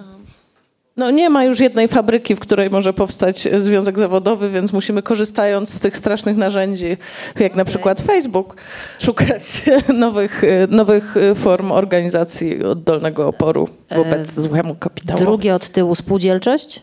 Tak. Co masz na myśli? E, na przykład e, warunki preferencyjne dla E, banków spółdzielczych i mniej, mniejsza komercjalizacja tego sektora, powiedzmy jak hasłowo. A gdzie więcej bab? To wszędzie. No, y, więcej bab, no, no, gdzie? No w rządach, zarządach i tak dalej. No ale tego się nie da wymusić, więc, y, więc ja tylko postuluję tutaj obecne pane, panie na stali, żeby się angażowały we wszystkie możliwe rzeczy. A co twoim zdaniem, a teraz pytam całkiem serio, co twoim zdaniem zmieniłoby, czy poprawiło, czy ulepszyło, czy uzdrowiło w kapitalizmie e, większe zaangażowanie bab, jak powiedziałaś? No dopóki mamy patriarchat, to kobiety są e, statystycznie bardziej otwarte na współpracę y, i empatyczne, a mniej nastawione na konkurencję, więc dopóki nie y, zniszczymy patriarchatu, to udział y, kobiet może tylko pomóc tym ulepszeniom, o którym przedmówca tutaj mówił i ja skończyłam. Twoim zdaniem ten obecny kapitalizm dopala patriarchat? Proszę. Czy ten obecny, czy kapitalizm, o którym tu rozmawialiśmy, dopala patriarchat, czy karmi patriarchat, czy e, wspomaga patriarchat, buduje patriarchat? No raczej tak, w, bo kapitalizm ogólnie jest dosyć konserwatywnym systemem, który o, opiera się na reprodukcji e, przekonań, które już istnieją w społeczeństwie. To znaczy raczej kapitalizm nie wymyśli innowacyjnie, że może jednak zareklamujemy wiertarkę inaczej niż z panią z e, cyckami, tylko wykorzysta ten, ten chwyt, który po prostu jest skuteczny. Okej. Marku, jeśli nie kapitalizm, to co? Tylko nie mów, to nic. Bo... Nie, ja też chętnie wymienię rzeczy, które warto byłoby poprawić e, w działaniach systemów gospodarczych na świecie, tych systemów e, kapitalistycznych, bo oczywiście jakby recepta, nie wiem, dla Wenezueli, Korei Północnej czy, czy Kuby jest taka, że jakby zacznijcie chociażby od tego, co mamy w Polsce, tak? To już będzie dla was mega postęp i dużo lepszy, e, lepszy świat. E, pojawił się ten, ta kwestia e, rynku finansowego i tutaj oczywiście wiele rzeczy warto naprawić. Po pierwsze należy skończyć z tak zwaną niekonwencjonalną polityką pieniężną, tym obecnie absurdalnym systemem, w którym mamy niskie stopy procentowe, drukowanie pieniądza, na którym korzystają głównie właściciele akcji i aktywów finansowych, to jeszcze bardziej e, napędza te nierówności, które tak tutaj też były kilkukrotnie e, akcentowane. E, Jeżeli chodzi o sam sektor finansowy, to warto byłoby skończyć z inną zasadą, która pewnie część osób jest świadoma, że istnieje posiadających depozyty w bankach, czyli tak zwanymi gwarancjami państwa dla depozytów, tak żeby jakby wprowadzić element ryzyka do tego systemu, żeby nie było tak, że banki mogą sobie robić co chcą, a w razie czego, kiedy jakby bank spieprzy sprawę, to przyjdzie do państwa czy do tego systemu, który obecnie mamy, czyli systemu jakby świadczeń, gdzie te ban- banki się składają powie, a teraz płaćcie naszym depozytariuszem, co mieli te depozyty do 100 tysięcy euro, bo były gwarancje bankowe, tak? Więc tego typu rzeczy. Trzeba też skończyć z inną zasadą, która e, była bardzo istotna w czasie kryzysu finansowego. Ona po angielsku się nazywa too big to fail, zbyt wielki, żeby upaść. To znaczy podmioty na rynku nie powinny być takiego przeświadczenia, że jak coś spieprzą, to przyjdzie państwo i im pomoże, tak? Powinny brać odpowiedzialność za swoje czyny i jeżeli e, muszą upaść, to niech upadną, niech te koszty e, upadku też ponoszą właściciele tych przedsiębiorstw. Jeżeli chodzi o inne kwestie związane z poprawą, to wiele krajów, również Polska ma ogromny p- poziom zbyt wysoką regulacją zawodów. Tego akurat nie ma akurat w krajach skandynawskich. Tam zawody są bardzo silnie zderegulowane. E, oczywiście wiele osób twierdzi, że w Polsce już mocno zderegulowa- zderegulowaliśmy wiele zawodów, ale to, co Gdybyś zrobił... deregulował e, więcej? Gobi. E, tak, znaczy dużo więcej i, i dużo bardziej. E, oczywiście są kraje, gdzie to trzeba zrobić tego jeszcze więcej, na przykład Stany Zjednoczone, gdzie silnie regulowane są zawody w niektórych stanach. Fryzjera, kosmetyczki i one, oczywiście te regulacje wynikają tylko z tego, że istnieje jakaś organizacja kosmetyczek czy fryzjerów, e, e, którzy jakby lobbują za tym, żeby były silne regulacje, co sprawia, że wiele osób nie może wejść do danych zawodów i nie może jakby zarabiać pieniędzy, bo muszą wyrobić ileś tam egzaminów, No jasne, pozwoleń, no żeby, dobra. żeby tego. I jeszcze jedna rzecz na e, koniec. Dużo rzeczy. Myślę, że z rzeczy, które warto poprawić, z perspektywy szczególnie polskiej, to jest nasz stojący na głowie system podatkowo-składkowy. Ja to może zabrzmieć dla niektórych e, zaskakująco. Znaczy, uważam, że nasz system, zgadzam się z tym, że jest w wielu aspektach regresywny, co sprawia, że osoby zamożne płacą de facto niższe podatki i składki niż osoby biedniejsze. I mamy bardzo wysokie opodatkowanie osób o, o najniższych Już się prawie zgodziliście co do jednej I kwestii, więc powinniśmy, na ale. I powinniśmy mieć system, który jakby spotka się, te wszystkie grupy spotkają się gdzieś w środku, czyli równe, opodatko, różne opodatkowanie e, i, i składki, e, jeżeli chodzi o obciążenia procentowe dla wszystkich grup, co nadal oznacza, że bogaci płacą więcej, tak? 30% z miliona to jest więcej niż 30% z 10 tysięcy, więc przy systemie, kiedy te obciążenia są równe, nadal bogaci w tym systemie płacą więcej. A wie- 30% z 10 złotych? Co, co, więcej, co więcej uważam, nie uważam, że tak niskie dochody do pensji minimalnej nie powinny być w ogóle opodatkowane w Polsce, tak? To, to jest akurat naturalne e, i, i to, to jest też postawione na głowie, znaczy, że osoby zarabiające płacę minimalną płacą w tym kraju podatek dochodowy. No chory system. W wielu krajach to nie istnieje, jest wysoka kwo- kwota wolna od podatku i tego typu rzeczy warto wprowadzać, ale to, co warto podkreślić, to właśnie są też te wyzwania klimatyczne i być może tutaj jest też jakieś pole do konsensusu, poszukiwania jakich możli- jakichś możliwości, w jaki sposób można opodatkować różne rzeczy szkodliwe, tak? Ale róbmy to wtedy w sposób neutralny fiskalnie. E, Mamy obecnie trwającą dyskusję o podatku od cukru. Ja nie neguję tego, że cukier szkodzi, tak? Tylko cel tego podatku jest czysto fiskalny. Rządowi brakuje pieniędzy w budżecie. Gdyby cel nie był fiskalny, to by by w tej samej ustawie zapisali wprowadzamy podatek od cukru, to są 3 miliardy złotych i podwyższamy na przykład kwotę wolną o podatku o kwotę, która jakby daje ubytek w dochodach państwa, też 3 miliardy złotych, tak? Pokazali, że to jest takie neutralne fiskalnie i, i przerzucili jakby część opodatkowania z opodatkowania pracy na opodatkowanie cukru, tak? Bo to jest rzecz szkodliwa. Gdyby chcieli tak zrobić, ale cel jest zupełnie fiskalny. Więc ja się obawiam, że w tej dyskusji o podatkach klimatycznych będzie tak, że jakby w wielu krajach już przestrzeń do zwiększania CIT, PIT i VAT się już wyczerpała, tak? Bo, bo wielu wyborców nie chce, chociaż nawet ich to nie dotyka, ale jest takie przeświadczenie, że nie, nie podnośmy tych stawek. Więc jest teraz wymyślanie tych nowych podatków od różnych rzeczy e, jako sposób obchodzenia tych podatków tego. Ja bym widział jakąś przestrzeń do zmiany formy opodatkowania, na przykład opodatkowania tych rzeczy szkodliwych, czy to środowiskowo, czy zdrowotnie, ale robionych w sposób neutralny, to znaczy zmniejszania op, op, opodatkowania pracy, zaczynając od osób o najniższych dochodach, bo tam to, to dochody powinny być, te podatki powinny być dużo mniejsze. Bardzo dziękuję w takim razie, ponieważ tak zauważyłam, że ten e, krążek nam tam znowu gdzieś na aut, to już go e, przywracam. Drodzy Państwo, e, drodzy goście pisma, Mamy czas na jakieś 30 pytań. Wyjmujemy kanapki i zaczynamy. Wiem, że mają Państwo ochotę coś skomentować. Bardzo proszę. Porywamy jeden mikrofon od naszych gości, ale słuchajcie, zanim będziemy komentować, to poproszę Was o brawa dla nich. Dla Kai, dla Marka i dla Jacka.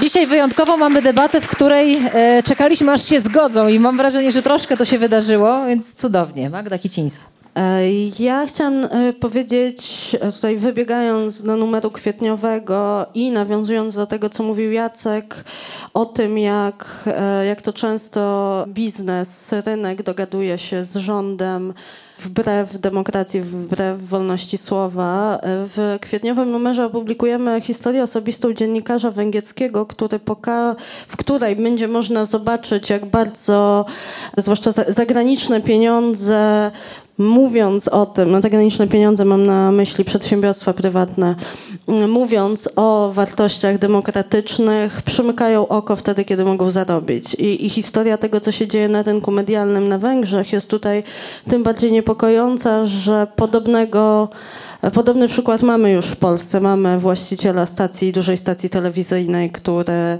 e, z władzą układa się dobrze. Mamy zagrożenie wolności słowa. I, I bardzo Wam e, ten tekst polecam w przyszłym, w przyszłym miesiącu, bo, mm, no bo w nim jak e, w soczewce skupiają się wszystkie te tematy, o których dzisiaj mówiliście, e, z, ze zwróceniem uwagi na media, na to, co nas tutaj przywiodło, na wolność słowa i jego zagrożenia w kapitalizmie również. O, to ja Dzięki tylko Magda. Drodzy Państwo, błagam, podnoście ręce. Jak w szanującej się klasie jest tam z tyłu, widzę podniesiona jedna, druga. Proszę bardzo, musi Pani szybko biegać. Musimy, słuchajcie, szkolić naszych wolontariuszy, żeby maratony... Tutaj Pan się e, za późno obudził. Michał Ostowski, krytyka polityczna. Krótki komentarz, czyli krótkie pytanie. Krótki komentarz dotyczy pojęcia, że, czy przekonania, że podatek liniowy jest sprawiedliwy, bo przecież milioner płaci wprawdzie ten sam procent, ale większą kwotę w liczbach, wartościach absolutnych. Tylko, że nie uwzględnił pan czegoś takiego jak użyteczność i koszt krańcowy, który zresztą jest podstawową figurą w ekonomii neoklasycznej i de facto umożliwił w ogóle powstanie e, ekonomii neoklasycznej dla kogoś, kto zarabia 2000 zł, oddać 30% dochodu jest po prostu dużo bardziej dotkliwe niż dla kogoś, kto zarabia 200 tysięcy złotych, oddać 30% dochodu. W tym sensie to progresja wyrównuje te, może wyrównać te koszty krańcowe, y, a nie, y, nie stanowi niesprawiedliwości. A co do pytania, to chciałbym zapytać, jak pan w sytuacji braku depozy- gwarancji depozytów, czy braku, no tak, w przypadku braku gwarancji depozytów, jak pan wyobraża sobie y, odpowiedzialność instytucji bankowej, co ona by miała oznaczać? Y, No bo bankructwo oznacza po prostu, że nie ma wypłaty dla klienta, który dany depozyt złożył, jeśli nie ma funduszu gwarancyjnego i nie ma gwarancji kredytowych. I no, problem polega na tym, że oczywiście można obciążyć porówno odpowiedzialnością za bankructwo klienta, który na przykład zainwestował czy włożył pieniądze do niewłaściwego banku, tylko że w relacji banku z klientem występuje strukturalna asymetria informacji. Krótko mówiąc, jak można z tą asymetrią, czy jak pan wyobraża sobie poradzenie sobie z tą asymetrią informacji bez twardych y, instytucji regulacyjnych i takich właśnie instytucji jak Fundusz Gwarancyjny. Dziękuję. Rozumiem, że jest to pytanie dla Marka Tatały, tak, dla niespodzianki. Bardzo dziękuję. Marku? Myślę, że nie jestem w stanie udzielić tutaj jakiejś bardzo konkretnej odpowiedzi, bo to wymaga jakby bardzo też konkretnych i, i szczegółowych analiz, ale e, jest przykład kryzysu finansowego tego z, nie ostatniego, tylko z lat 30., e, który wybuchł w Stanach Zjednoczonych i wtedy system e, bankowy w Kanadzie miał o wiele słabsze regulacje i tam e, jakby banki działały o wiele lepiej niż w Stanach Zjednoczonych, gdzie te, te, te regulacje e, wprowadzono, ale e, ja zgadzam się z tym problemem asymetrii e, informacji i myślę, że na przykład takim wymiarem byłoby jakby zmniejszenie tej asymetrii informacji, tak, w sposób pewnego rodzaju obowiązków na przykład informacyjnych, e, czy, czy klientem? Jak zmienić? na przykład, tak, znaczy, ale też, ale też zwię- zmiany świadomości klientów. No w tej chwili, w tej chwili nikt się nie przejmuje, kiedy odkłada właśnie pieniądze w banku, czy to jest bank, znaczy nawet się nie interesuje tym, czy to jest bank sensowny, czy nie, bo zawsze państwo mi pomoże. Znaczy, ludzie powinni się interesować, co robią ze swoimi pieniędzmi. Powolutku, powol- nie kłóćcie się, hej. Gold, tak? Tylko do normalnego Poprosimy mikrofon. Ludzie powinni się interesować, co dzieje się z ich pieniędzmi. I tylko jeszcze jeden komentarz do komentarza, bo to może też wynikało tutaj z wypowiedzi e, dotyczących e, tej ekonomii neoklasycznej i tych różnych porównań. To znaczy, że pewnego myślenia, że ja tutaj reprezentuję ekonomistów neoklasycznych. Otóż ja się nie poczuwam do bycia neoklasycznym ekonomistą, zafascynowanym różnego rodzaju modelami i wierzącym, że świat istnieje tak jak w modelach z podręcznikach ekonomicznych. Co więcej, na egzaminie magisterskim z ekonomii dostałem pytanie o jeden z takich modeli. Jakie on ma zastosowanie w realnej gospodarce, proszę powiedzieć. No ja moja odpowiedź ku konsternacji jury była, ta, znaczy jury, komisji egzaminacyjnej, była taka, że nie ma żadnego znaczenia, tak? Że on się przydaje, żeby uczyć studentów pewnego, pewnej logiki myślenia, ale ten model, e, tu akurat mówię o modelu ISLM w gospodarce otwartej, jeżeli ktoś studiował Przecież ekonomię, czy Państwa studiuje. dobrze wie, o co tak? chodzi, więc czujemy się To, to że, że, że, że po prostu to, to, to przydaje Kochani, się do nie sprowadzajcie dyskusji.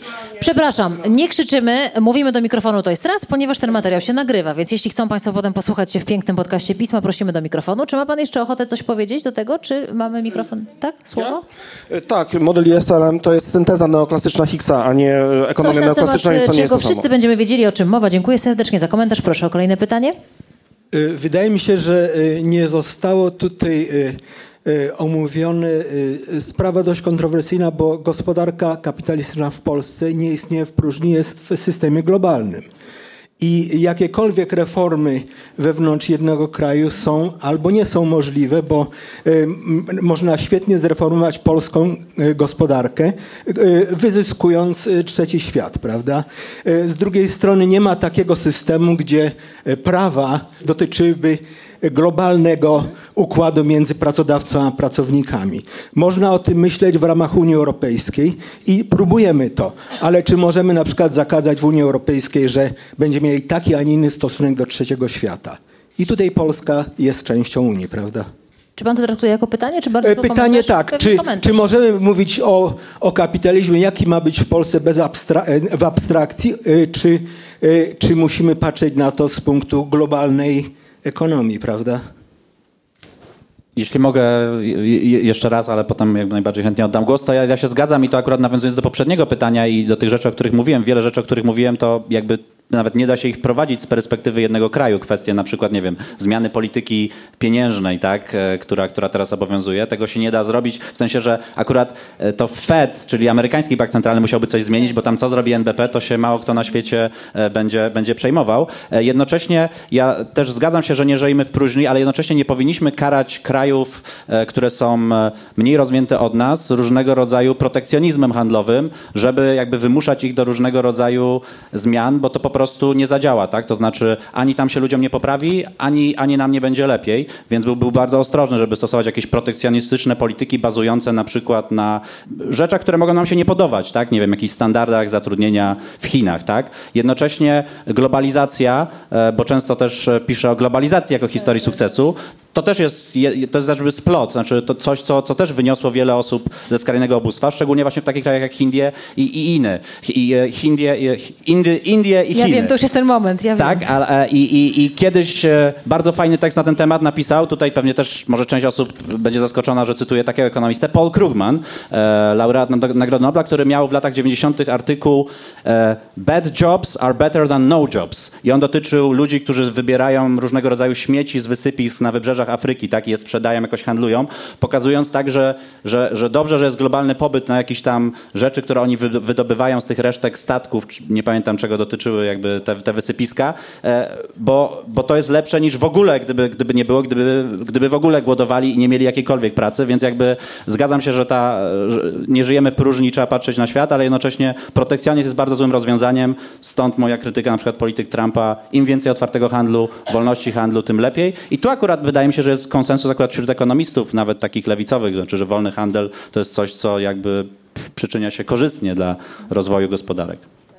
Głową? Ja chciałam, e, e, chciałam do, trochę pociągnąć tę te, twoją metaforę, bo to jest też pytanie, dlaczego ludzie, e, dlaczego ci ludzie zbierają śmieci, czy nie mają żadnej alternatywnej pracy, a może na przykład jej nie mają, bo ziemie w ich regionie zostały wykupione przez zachodnie korporacje na produkcję paszy dla zwierząt albo coś w tym rodzaju i nie mają sobie nawet gdzie jedzenia uprawiać, więc wiesz, to tak, ma zawsze dwie strony. Czasami na przykład mają taki problem, że przyjeżdżają wielkie agencje pomocowe z Foreign Aid i zrzucają masę e, darmowej, w cudzysłowie darmowej żywności, mhm. która jest źródłem błędnej polityki, e, e, wspólnej polityki rolnej w Unii Europejskiej, produkującej nadprodukcję żywności, fatalna dla ochrony środowiska, by the way, i niszczą lokalny rynek rolników, którzy mogliby pewne rzeczy prowadzić. Znaczy, rozumiem, Tylko, że tutaj jest przyczyna ze skutkiem W sytuacjach awaryjnych rozumiem pomoce żywnościowe, ale wiele takiej tej wielkiej foreign aid, pomocy to, co ja mówię, było pierwsze. Foreign Aid po, poszła po tym. No nieważne. W każdym razie wracając do, yy, do pana pytania. Oczywiście nie, nie, nie, absolutnie nie możemy, bo polska gospodarka jest w bardzo dużej mierze uzależniona od, yy, od globalnej gospodarki, szczególnie gospodarki europejskiej, w tym szczególnie gospodarki y, niemieckiej, co zresztą... Nie, przytulasz się za rozładowa. To nie, dobra, nie, teraz nie. jest. E, I i co, co widać zresztą Y, w tym, jak polska gospodarka reaguje na, y, na zmiany. W silniejszych gospodarkach sąsiadu, sąsiada, od którego jesteśmy uzależnieni, ale jeśli chodzi o to wykorzystywanie trzeciego świata, może to, y, może, może teraz nie, nie powiem o trzecim świecie, ale to nie jest tak, że to tylko Zachód to robi, a, a my zupełnie, że tak powiem, nie wykorzystujemy tego rodzaju możliwości y, w ramach systemu, który jest, bo przypominam, że polska gospodarka ma świetne wyniki w ostatnich latach, między innymi dzięki wykorzystaniu taniej pracy imigrantów spoza y, Unii Europejskiej, co szczególnie w sektorach y, budowlanym czy rolniczym. I, i to jak wiemy są już bardzo różne kraje na, na całym świecie, ale przede wszystkim Ukraina i oczywiście, że te pensje wypłacone legalnie legalnie lub półlegalnie lub nielegalnie przez e, polskich e, pracodawców, tym pracownikom, e, są, są bardzo niskie, dzięki czemu te no, właściciele tych firm mogą, mogą sobie rosnąć, a niekoniecznie są to, przypominam, na samej górze właściciele płacący podatki w Polsce, więc ale odpowiadając na Pana pytanie, jak najbardziej uważam, że powinno to, że, że to, że szczególnie w w obecnej sytuacji, zważywszy na izolacjonizm e, Stanów Zjednoczonych, Unia Europejska powinna zintegrować się w wielu kwestiach, również gospodarczej. Natomiast tutaj oczywiście wchodzą e, kwestie e, również monetarne, czyli no, czy bez, pytanie, czy bez przyjęcia wspólnej waluty jesteśmy w stanie w Unii przeprowadzić coraz większy nacisk w, skłaść na prowadzenie polityki gospodarczej na poziomie unijnym. Drodzy Państwo, ostatnie pytanie widzę z tyłu. Mam wrażenie, że dobrze widzę. Tak jest. E, ja może chciałbym e, rozwinąć ten temat próżni, który tutaj e, był już poruszony, a mianowicie po pierwsze myślę, że warto zauważyć, że nie Polska również nie istnieje w próżni pod tym względem nie tylko, że my możemy innych wykorzystywać, ale w momencie, jeśli my zaczniemy reformować swój system w stronę takiego bardziej proludzkiego, to inne kraje mogą nas zwyczajnie, że tak powiem, czapkami nakryć i czerpać korzyści ze swoich bardziej mniej proludzkich działań i też Chciałbym się zapytać, jak w dzisiejszy temat można wpisać automatyzację. Przez, bar, przez ostatnie lata widzimy trend, że coraz więcej zawodów może zostać kompletnie zastąpionych przez technologię i rosnące skomplikowanie rynku pracy sprawia, że rośnie, rosną wymagania, jeśli chodzi zarówno o kompetencje, jak i ogólnie na przykład inteligencję zawod, y, pracowników, którzy w ogóle chcieliby zdobyć jakikolwiek zawód. I w tym momencie jest to bardzo duży problem, gdzie za lat 20-30 możemy mieć grupę ludzi, którzy ze względu na to, że nie, ma, nie są Einsteinami, nie mogą znaleźć pracy jakiejkolwiek. Myślę, że mogę prosić Jacka o komentarz na ten temat? Dzięki za pytanie. Jasne, więc jeżeli chodzi, jeżeli chodzi o e, automatyzację, no to, to, jest, to jest jakaś forma e, poprawy efektywności, prawda, optymalizacji, ograniczenia, ograni, ograniczenia kosztów. Nie jest przypadkiem, że, że, e, e, że, ona, że automatyzacja jest tak popularna i tak nośna właśnie teraz, kiedy ekonomiczne myślenie dominuje jako taka filozofia społeczna. Ja e, króciutki eksperyment taki myślowy zaproponuję, dobra? Wyobraźcie sobie Państwo takie tak, społeczeństwo składające się powiedzmy ze 100 osób, które są wyłącznie rolnikami, produkują żywność, każdy produkuje tyle, ile powiedzmy jedną jednostkę żywności, czyli wszystko się razem bilansuje. I potem dzięki jakiemuś, jakiejś innowacji albo jakiejkolwiek innej zmianie, szokowi e, zewnętrznemu, nagle się okazuje, że poprawiła się efektywność i 50 osób jest w stanie wyprodukować tą samą ilość żywności. No i teraz ta druga pięćdziesiątka no mogłaby znaleźć zatrudnienie jako rzemieślnicy, artyści, e, czyli krótko mówiąc mogłaby zacząć funkcjonować w zawodach, które są jeszcze bardziej efektywne niż, e, niż to rolnictwo, z którego zostali, wypchnięci. I to jest szczęśliwy scenariusz. Tak z grubsza, tak z grubsza tłumaczymy rewolucję przemysłową przywołaną tutaj wcześniej. E, Ale można sobie z łatwością wyobrazić, że nikt nie przekonał tych rolników e, do tego, żeby konsumować takie rzeczy jak wyroby rzemieślnicze albo, albo jakieś tam dzieła sztuki. I wtedy ci, ci te, te 50 osób, które było zwolnione, e, które straciło rację bytu w rolnictwie, może stać się służącymi domowymi na przykład, prawda? To, czy oni się staną służącymi, czy staną się kimś innym, to będzie pewnie zależało od własności ziemi, od systemu politycznego i tak dalej. Ale chciałbym powiedzieć, że automatyzacja to jest jakby ta pierwsza część tego procesu, czyli to jest, to jest właśnie uwalnianie ludzi. Natomiast to, czy ci ludzie znajdą jakieś dalsze zatrudnienie, to nie jest tylko kwestia procesów technologicznych, to nie, to nie jest coś, co się dzieje poza nami. To, jakie technologie rozwijamy, zależy od tego, jak o tym myślimy, co szanujemy, co cenimy. Przecież ci- ludzie mogą mieć zatrudnienie, w, no, tak jak powiedziałem, w produkcji artystycznej na przykład, prawda? Tylko, że musielibyśmy się wszyscy zgodzić na to, że to, że to ma sens zwyczajnie. Czyli e, podsumowując troszeczkę, to, to, to, to porządna, porządna gospodarka kapitalistyczna ma jakby dwa płuca. Jedno płuco powoduje efektywność, czyli, czyli uwalnia zasoby. Ale jak nie ma tego drugiego płuca, które z kolei te zasoby jakoś zasysa i wykorzystuje do czegoś, co, co wcześniej, do czego wcześniej trzeba przekonać ludzi, że to ma sens, no to niestety, to, ta, to niestety ta automatyzacja kończy się uberyzacją i tak dalej. Czyli kończy się no, taką właśnie takim współczesnym odpowiednikiem służby domowej współczesnym odpowiednikiem gospodarki lokajów, stangretów, pokojówek i tak dalej z końca XIX wieku. Dzięki bardzo. Drodzy Państwo, mam nadzieję, że tutaj się zgodzimy wszyscy, że to jest ten moment, żeby udać się jednak na rozmowy kuluarowe.